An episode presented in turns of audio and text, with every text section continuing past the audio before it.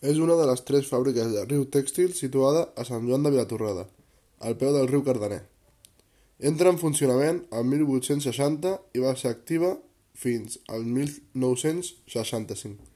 Fou la primera fàbrica dels Borers. Va ser creada per Esteve Borers.